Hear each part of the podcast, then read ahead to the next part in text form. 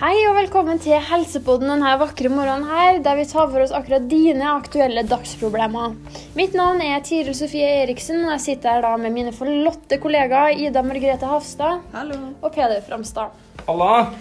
I dag så skal vi ta for oss problemstillingene hva, det in hva innebærer det å ta vare på egen helse, inspirert, inspirert av mange innslag fra våre fantastiske lyttere.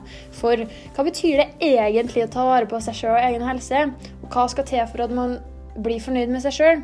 Vi skal ta for oss temaene kosthold, trening, psykisk helse og søvn. Så det her temaet her om egen helse det er jo et utrolig aktuelt og vanskelig tema for ganske mange. Og sikkert en del av dem som sitter og hører på oss akkurat nå også.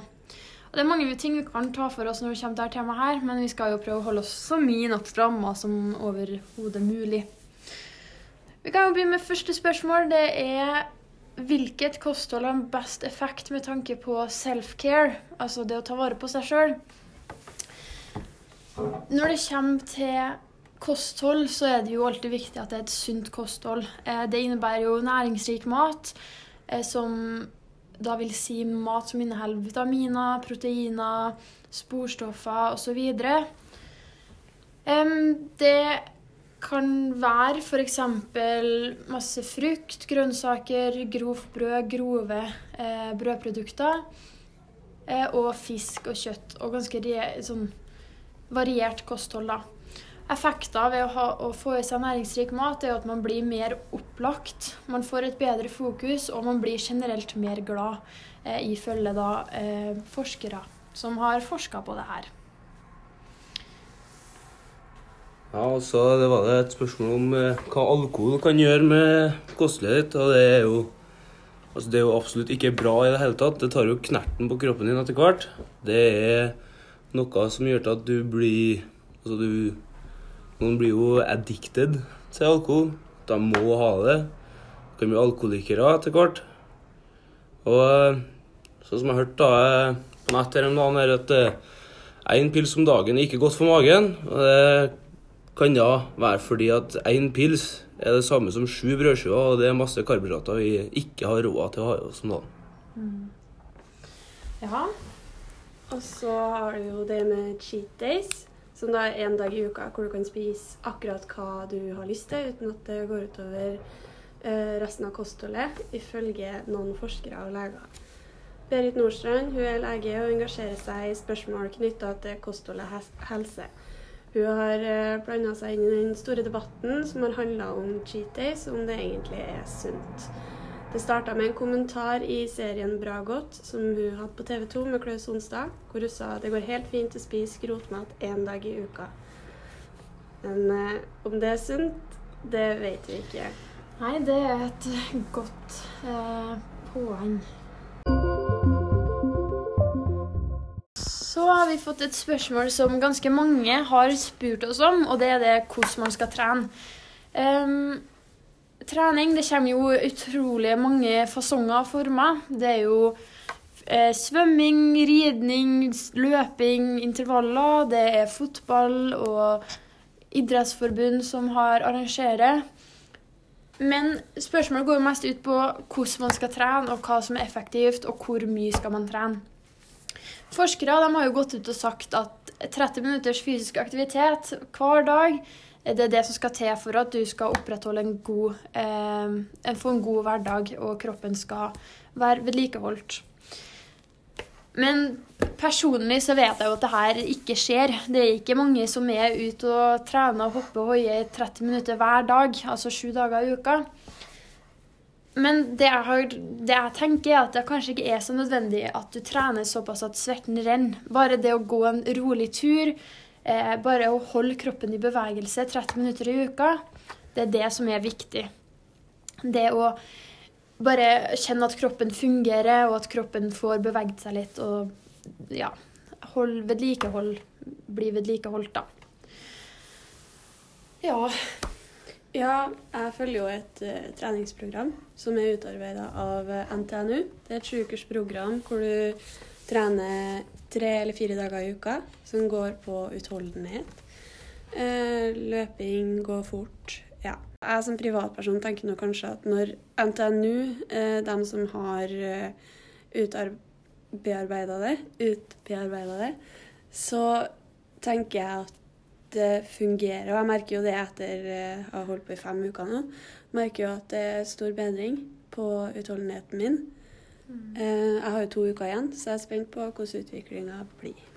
Det tenker jeg også er et, et tema mange tar opp. At det er jo ikke nødvendig med en sånn PT eller personlig trener for at du skal komme deg på trening, men mange tilbakemeldinger på de som har personlige trenere, de sier jo at de kommer seg mye enklere på trening, for de har en motivasjon, og det er noen som venter på dem og hjelper dem, sånn at de får best mulig utbytte av det å ha en personlig trener. Eller bare det å dra ut og trene med en venn.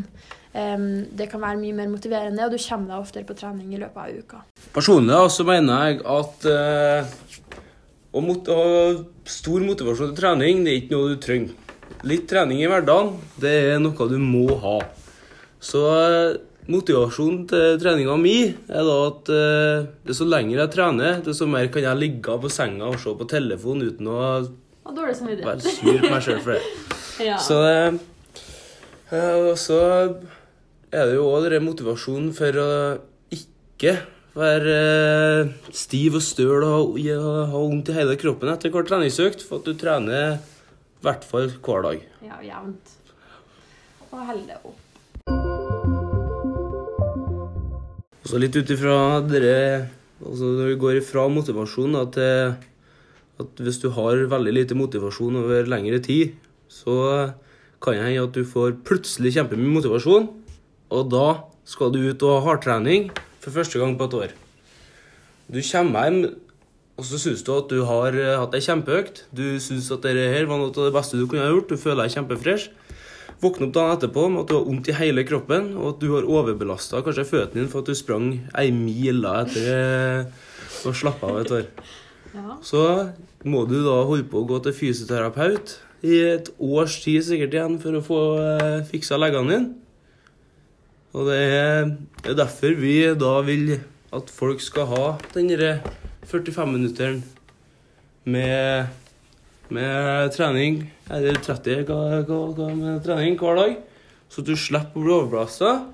Så du slipper at, eh, å gå og klage til vennene dine om at ah, 'så jævlig vondt i leggene mine'. Ikke? Da slipper du å overbelasta, så har du det jævlig bra. Og ut fra personlig erfaring da, så har jeg jo gjort akkurat det problemet der. Jeg var ute med skade et år, så kom jeg tilbake og trodde jeg var i beste formen jeg noen gang har vært. Skulle ut og begynne å springe. begynne å rett, gå rett på håndballkamper og sånn. Og nå har jeg beinhinnebetennelse, altså jeg har overbelasta føttene mine. Og jeg må da gå til fysioterapeut og få fiksa leggene mine. Det tror jeg skjer ganske ofte også, at folk starter for brått på for overbelastningsskade og må ta det roligere etterpå fordi at man blir for gira. Så det er jo noe å ta hensyn til når man først begynner å trene igjen etter en periode uten Ja, trening. det er i hvert fall noe, det er i hvert fall noe drit å må Ja. å fikse etter hvert. Når vi snakker om både kosthold og trening, så finnes det veldig mange negative, negative sider ved det. Mange opplever, opplever et sosialt press blant det å være best trent og ha den fineste kroppen. Det skaper stress og kan føre til overtrening, som Peder snakka om i stad. En annen konsekvens til dette kan være spiseforstyrrelser. Enten det å spise for lite eller ingenting, eller rett og slett å spise for mye. Man jakter på den fine, trente kroppen som alle rundt en har, og som forventes av deg å ha. Og det er jo veldig, veldig farlig, det her. eh, de her det, her det kan føre til helseproblemer som kan inkludere spiseforstyrrelser spesielt. Eh, Det kan jo føre til bevisstløshet og i verste fall dødsfall fordi at man får en mangel på næringsstoffene i kroppen. Sånn at cellene får ikke nok energi til å utføre handlinger som er livsviktige for kroppen vår. Eh, Og den vil jo dermed da sakte, men sikkert forfalle.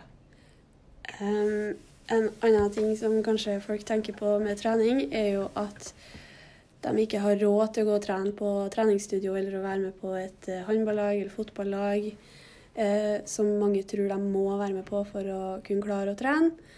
Eh, men det finnes mange andre mulige måter å trene på, samt å gå tur, som Tiril nevnte tidligere. Og det er jo da vi kjenner på det her at det er veldig viktig å ikke bli for opphengt i hva man spiser. Altså, det, det er viktig å ha et sunt kosthold, men ikke til det punktet der du måler opp hvor mye du spiser og eh, veier gram, og du kan ikke spise mer selv om du er sulten og sånne ting, fordi det kan da utvikle seg til en spiseforstyrrelse og som kan få eh, større konsekvenser i senere tid hvis det foregår over lengre tid. Så vi skal da eh, lage en liten konklusjon for dere om hva de viktigste faktorene er for å få en bra hverdag, eh, og hva det innebærer da å ta vare på egen helse. Da skal vi, altså vi konkludere med at eh, et godt og varierende kosthold er kjempeviktig for hverdagen. Og altså Det er jo lov da, med en fest inniblant, men eh, det er jo ikke så bra for deg, da. En festkveld ødelegger sju treningsøkter, har jeg hørt. Så det er bare å ta igjen eh, treningsøktene hele neste uke. Og Kos drikker du, to pils, så er det 14 brødskiver. Det er, det er mye å tenke på på fest, men eh, så tenker jeg også da at det er veldig viktig å ikke tenke så mye. Så vi må bare slippe ned skuldrene og leve av livet når vi kan. Gå på den festen, leve av livet. Hold på kostholdet. Hold på kostholdet.